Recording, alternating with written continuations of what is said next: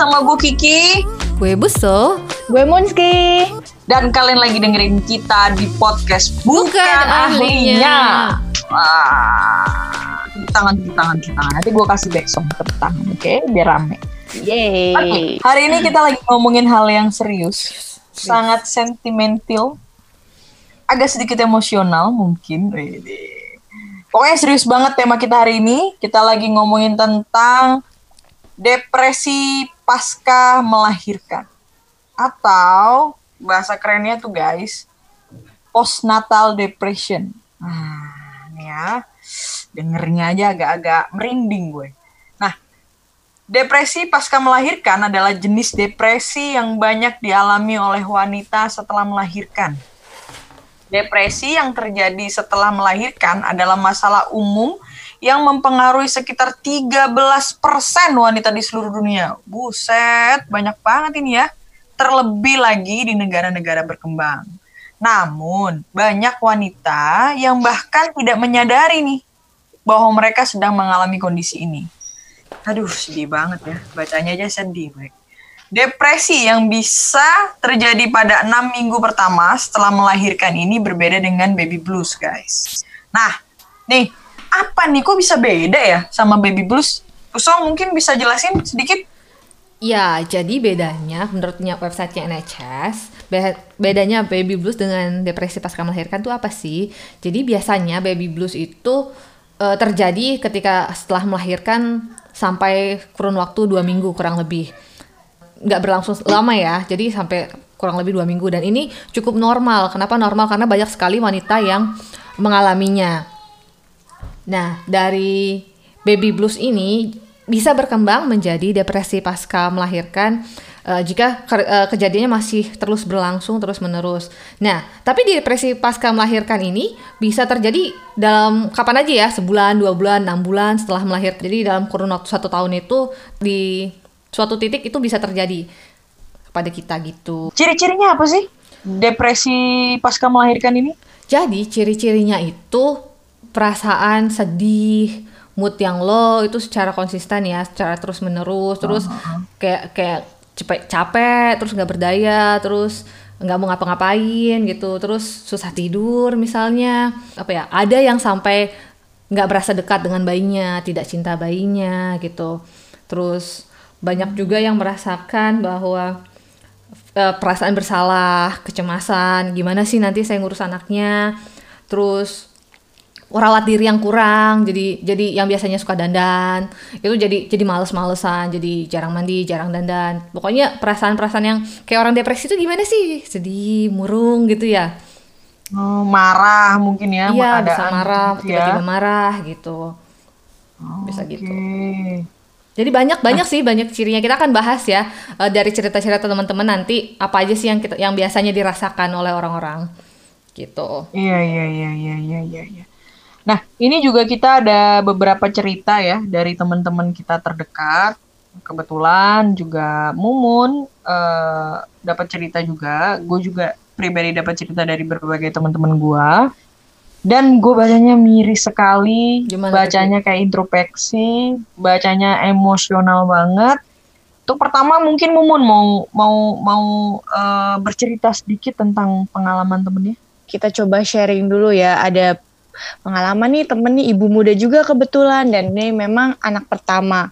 Eh, support keluarga memang ada, tapi kan karena bukan lingkungan kota besar. Jadi misalnya kalau ada ada bayi yang lahir di eh, tetangganya terus kemudian datang misalnya ini nih minum ini makan ini biar asinya keluar terus biar nanti anaknya bisa cepet naik berat badannya. Nah, dimulailah dari situ tuh teman-teman gue Iya. ya kalian juga ada yang kenal lah ya.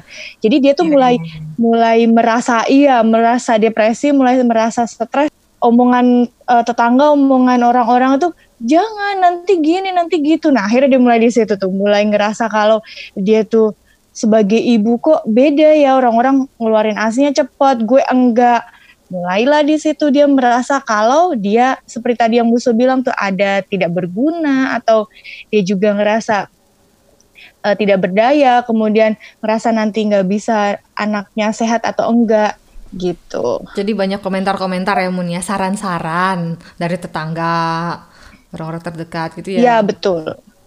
Ceritanya hampir sama loh sama beberapa orang yang uh, sharing uh, sama gua hampir sama. Mungkin kayak kayak uh, memiliki ini kali ya pola yang sama.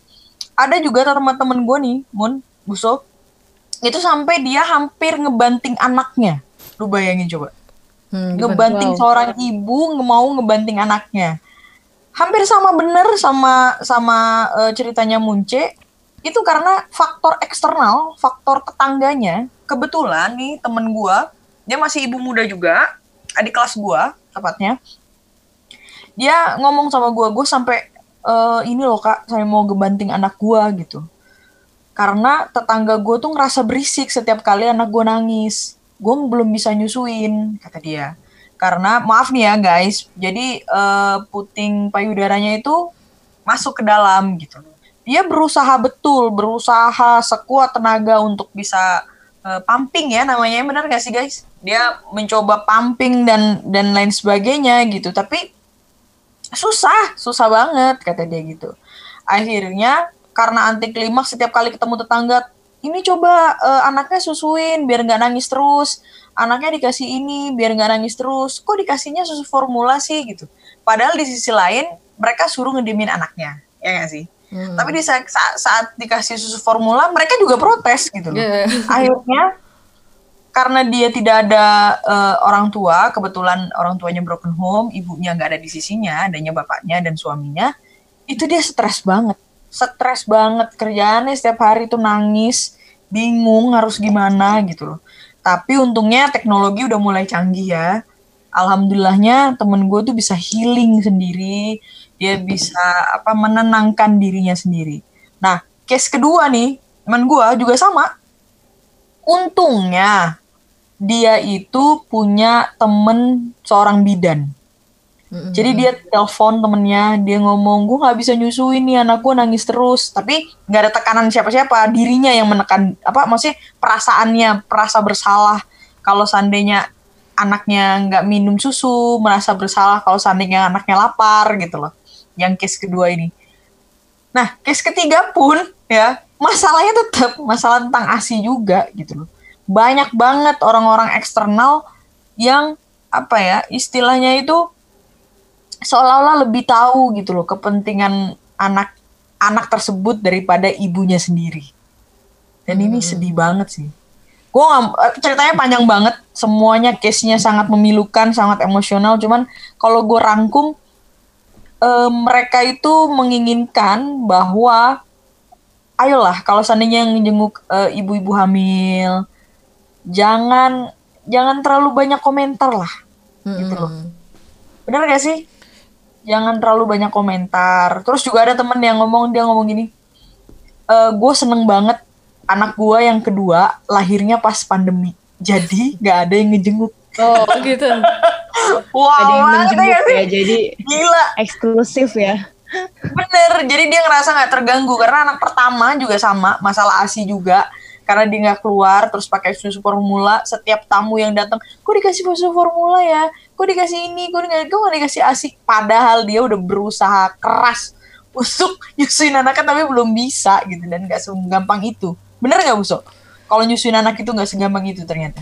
Ya di sini yang, yang sudah menikah cuma Buso ya, Gigi sama Mun masih yeah. single. Iya, jadi jadi iya. nggak bisa berbagi pengalaman sendiri ya. Jadi kalau Buso, ya. Buso dulu di sini kan Buso di UK, jadi sistemnya juga agak berbeda. Di sini banyak supportnya. Jadi kan kalau di sini kan klaster keluarga itu kan lebih kecil daripada di Indonesia ya. Maksudnya keluarga inti biasanya orang tua anak yang tinggal satu rumah, nggak yang campur mertua, nggak dekat dengan tetangga, nggak nggak nggak terlalu dekat gitu loh nggak yang saling jenguk segala macam gitu nggak. Nah tapi di sini yang support adalah dari orang kesehatannya. Biasanya orang-orang setelah melahirkan berapa hari itu nanti akan ada bidan atau health visitor yang bakal datang nanyain gimana keadaannya. Terus kita tuh dikasih kayak checklist gitu loh ntar ditanya-tanya. Jadi dia kayak punya checklist kayak punya kuesioner uh, perasaannya gimana sih terus keadaannya gimana. Jadi mereka kayak ngecekin kita waktu kita nyampe rumah apakah kita settle? Kalau kita belum settle itu apa yang perlu dibantu mereka bantu. Dan kalau tadi yang breastfeeding itu yang menyusui itu juga beneran di sini ada yang namanya breastfeeding support. Jadi mereka paham bahwa yang namanya breastfeeding itu bukan proses yang natural. Bukan kita kayak anak kucing begitu lahir langsung nyari terus kelar bisa sendiri gitu. Enggak ternyata di sini juga butuh baru tahu tuh yang namanya breastfeeding itu bukan proses natural yang semua orang buk langsung bisa jadi kelar gitu. Enggak ternyata breastfeeding itu adalah proses belajar. Belajar ibu belajar caranya gimana si bayi juga belajar. Jadi si bayi juga belajar gimana sih caranya menyusui. Jadi itu bukan suatu yang uh, naluriah langsung bisa gitu loh nggak semua orang langsung bisa ya alhamdulillah kalau bisa kalau enggak berarti ada proses belajar yang perlu dilalui. Nah, dalam proses belajar ini juga kita butuh support ya, bukannya butuh judgement, dihakimi, dikasih tahu. Orang kadang-kadang terlalu peduli ngasih saran. Tanpa ta tanpa mikirin tuh orang yang dikasih saran kebingungan kebanyakan saran apa enggak ya?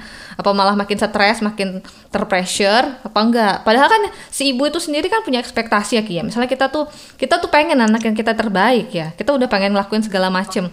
Terus sama orang lain tuh masih aja ada yang kurang, masih ada aja yang kurang, masih aja dikasih masukan. Jadi kan kita udah udah punya pressure yeah. pribadi ditambah-tambahin dari luar gitu loh ya jadinya makin stres kan orang-orang yang baru ngelahirin tuh banyak yang sampai kena postnatal depression ini gitu wah tapi keren banget ya bun ya sistemnya ya keren banget gue tercengang loh sistemnya keren banget sistemnya apa namanya Uh, eh, gue gak tahu sih kalau ya, di sana gimana banget sih gitu. Padahal sebenarnya sistem kayak gitu juga ada ya gak sih di Indonesia?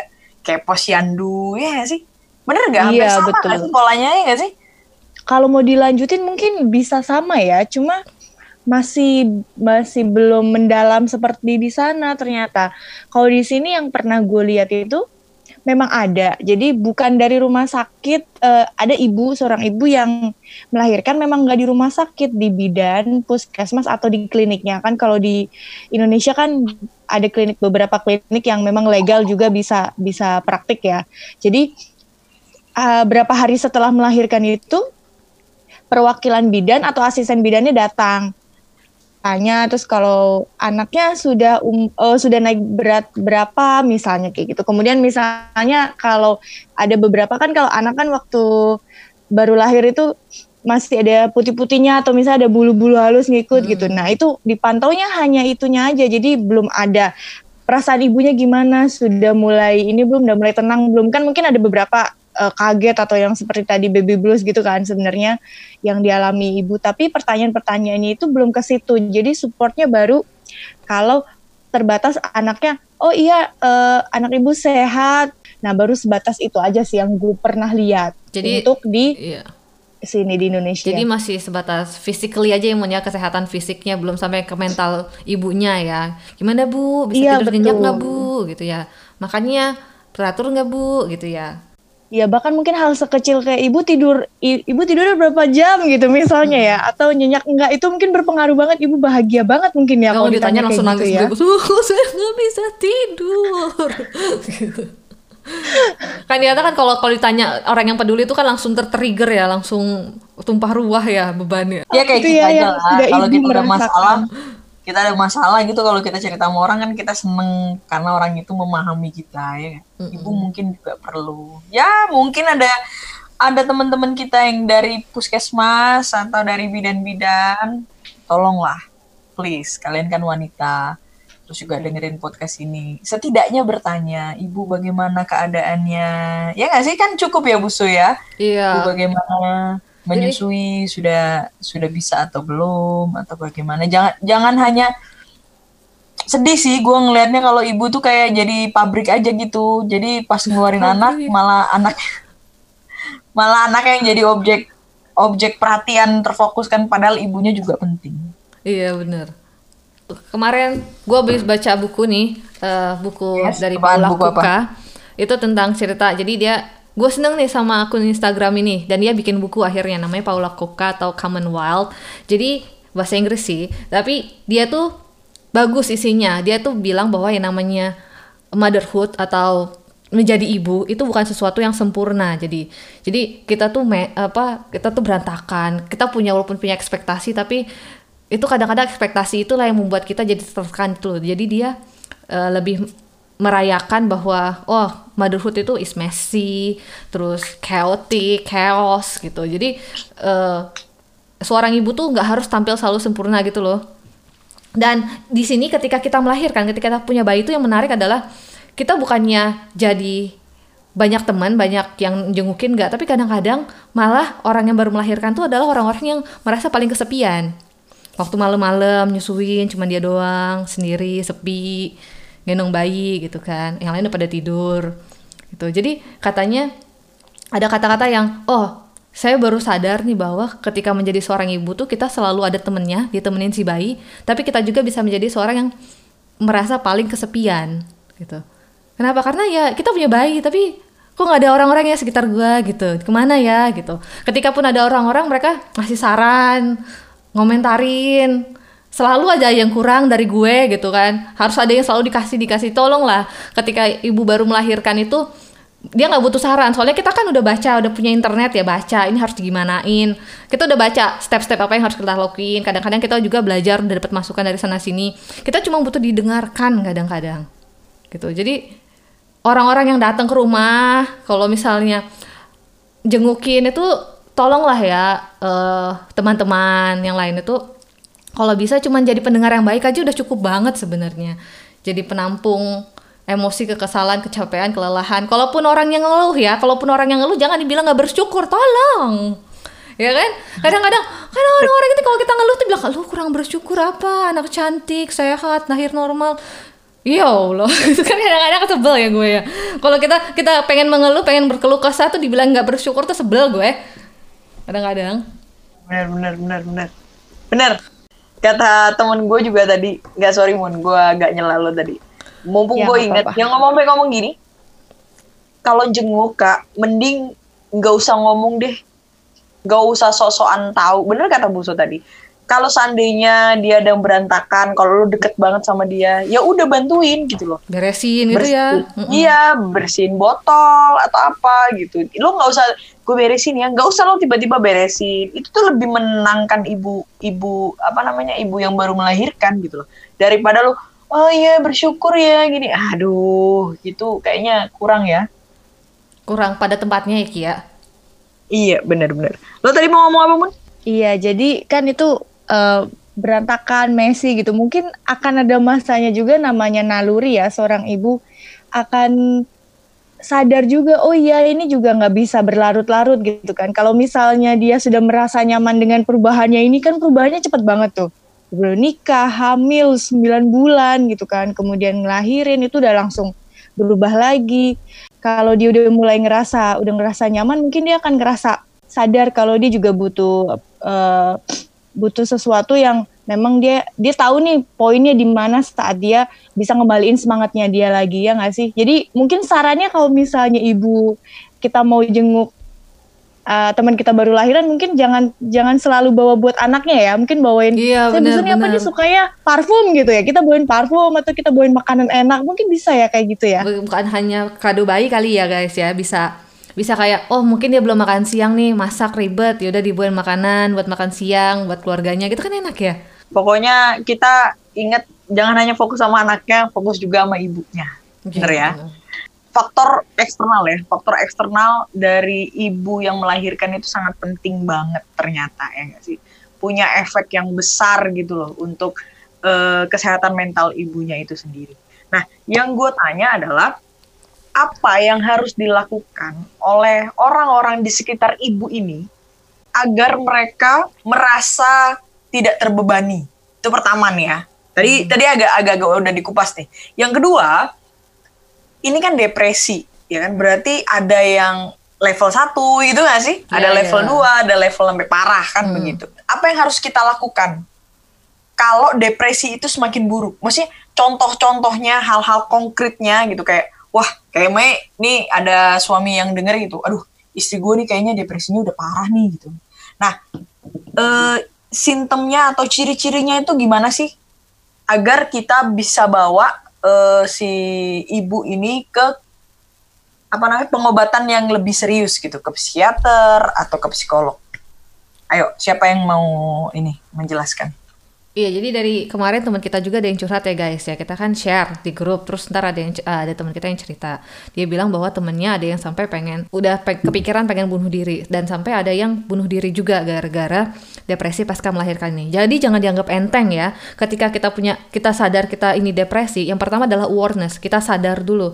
Oke, gue kayaknya depresi nih. Aduh, gue butuh butuh hiburan nih misalnya butuh teman ya udah cari teman sebelum itu berlarut-larut nah kalau udah terlanjur parah kita harus tahu bahwa uh, misalnya teman kita, suami kita, pasangan kita atau anak kita kalau kita seorang ibu, oh dia kayaknya depresi nih, udah butuh bantuan profesional, udah dibawa ke rumah sakit, dibawa ke dokter psikolog, dicek gitu ya. Ketika kita udah benar-benar ngerasa bebannya ini terlalu berat, ask for help itu yang paling penting. Kita harus cari bantuan gitu. Jadi jangan jangan malu. Kita kan kadang-kadang tabu ya dibilang depresi. Itu kan kadang-kadang bikin malu ya. Nah, kalau kita butuh bantuan, cepet cari bantuan itu dan yang bantuan yang tepat. Misalnya kita bisa ke psikolog atau ke dokter, dapat biasanya contohnya adalah kalau udah parah banget kita bisa dikasih resep antidepresan untuk menstabilkan mood perasaan kita supaya nggak terlalu depresi lagi carilah bantuan profesional kalau emang kayaknya benar-benar udah parah ya gitu. Karena kalau udah sampai bunuh diri itu kan kalau udah kayak gitu siapa yang mau disalahin? Gitu. Kita nggak bisa nyalahin orangnya. Ke mana orang-orang sekitarnya gitu. Dan di sini kita bakal masuk ke support system. Nah support system seperti apa sih yang harus ada yang harus kita bentuk yang harus kita rawat gitu?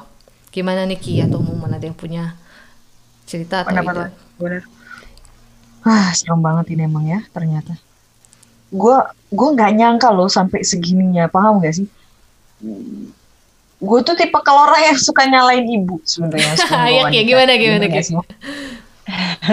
ya betul betul betul betul. Saksi hidup lah ya kita ya. Atau gue iya. sih. Uh, uh, gue tuh sering sering sering selalu bilang mana ibunya? Kok bisa anaknya begini sih? Mana ibunya? Mana ibunya? Gue gitu. Karena mungkin karena gue tomboy gue ada agak sedikit kelaki-lakian gitu kan atau gimana gue nggak ngerti gue sering banget nyalahin wanita. I don't know why. Apa yang salah di otak gue tapi setelah gue baca seluruh cerita dari teman-teman gue, jujur gue melo banget hari ini. Gue sangat emosional. jujur bro, gue tertekan banget karena ini uh, ibu itu hal sentimental buat gue, sangat sentimental gitu. Jadi jadi ngerasa jadi anak durhaka ki. apa? Jadi ngerasa kayak anak durhaka. Iya benar.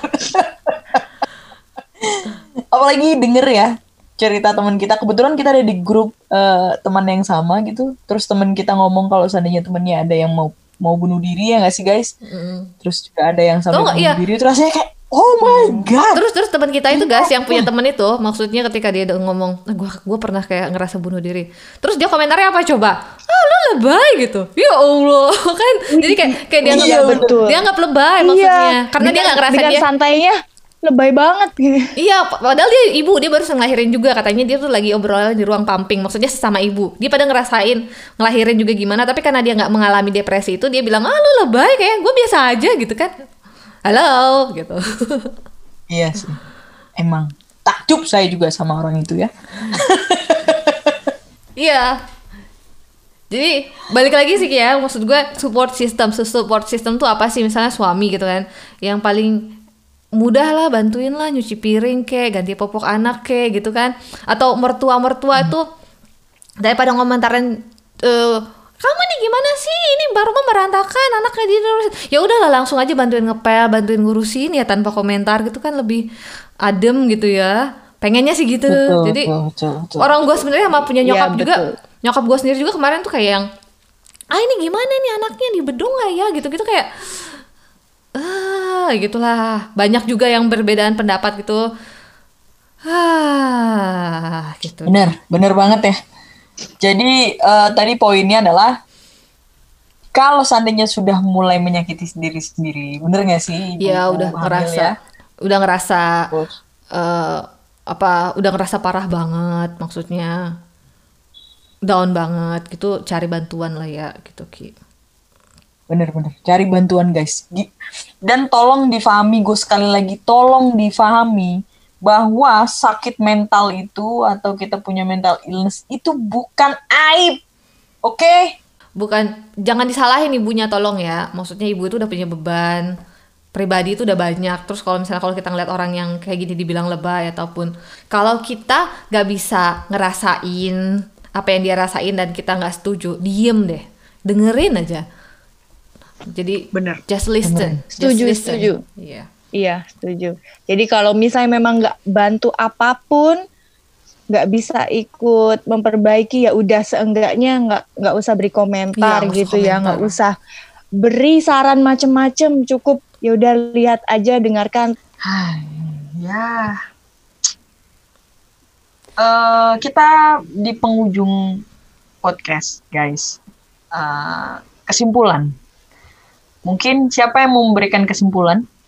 Oh Buso udah quote ki Buso quote Ada? Oke. Quote- dari quote apa? buku-buku yang tadi buku yang si Common Mild itu so, jadi Ah. tulisannya being so open and vulnerable can be scary but by doing so maybe other people will feel that they have permission to do the same jadi kalau kita terbuka itu mungkin kadang-kadang malu ngerasa lemah atau ngerasa dilihat kok kamu gak berdaya banget sih itu jangan malu gitu kita kita being open aja lah open itu, itu bukan hanya open terhadap emosi yang positif ya. Emosi negatif juga kita harus terbuka. Kita harus menerima bahwa oh saya lagi feeling saya lagi depresi saya lagi sedih saya lagi nggak mood gitu.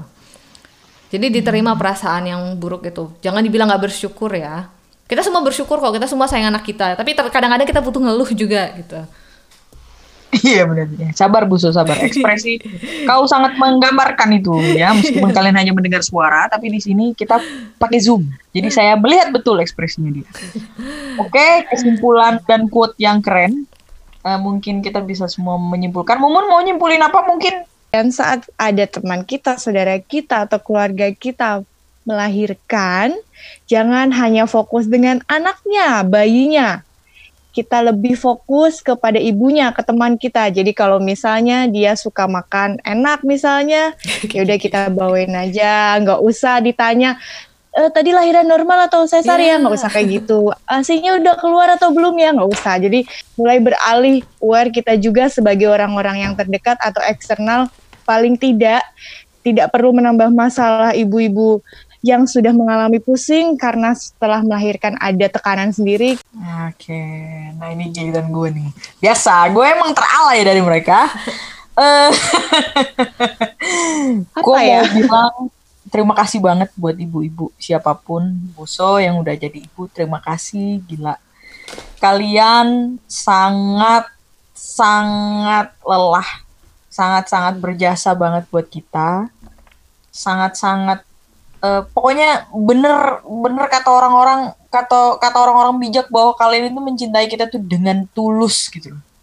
Kalian bekerja payah, bekerja keras buat kita dari kita di dalam kandungan sampai lahir pun ada depresi ini, depresi itu, terus belum urusan keluarga dan lain sebagainya. Terima kasih.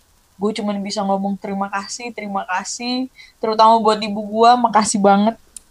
Thank you so much. Gue nggak tahu apa yang dia derita saat lahirin gue. Ah, my God. Dan buat orang-orang yang punya, eh gue skeptis banget sih. Gue selalu nyalain ibu-ibu. Please, please. Buka otak kalian, buka hati kalian bahwa percayalah, ibu adalah orang yang paling sayang sama anaknya. Trust me. Oke?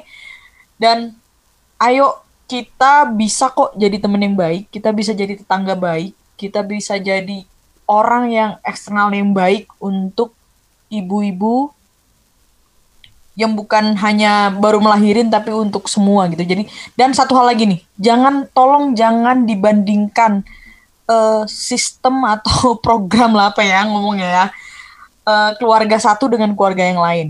Jadi keluarga yang terbaik ya keluarga itu sendiri. Mereka punya punya peraturan ini mereka sendiri gitu. Jangan jangan dibanding-bandingkan lah. Jadi please, ayo kita jadi teman yang baik, kita jadi saudara yang baik, kita jadi pendengar yang baik. Ayolah, please. Itu aja sih gue. Emosional gue hari ini. Iya, gue merinding. Dan kita yang bukan jangan nangis, ahlinya jangan nangis. Oke guys, thank you. Eh, kebetulan ini malam hari juga. kita ngerekam ini setelah hujan di Indonesia. Di di Inggris gimana Bu?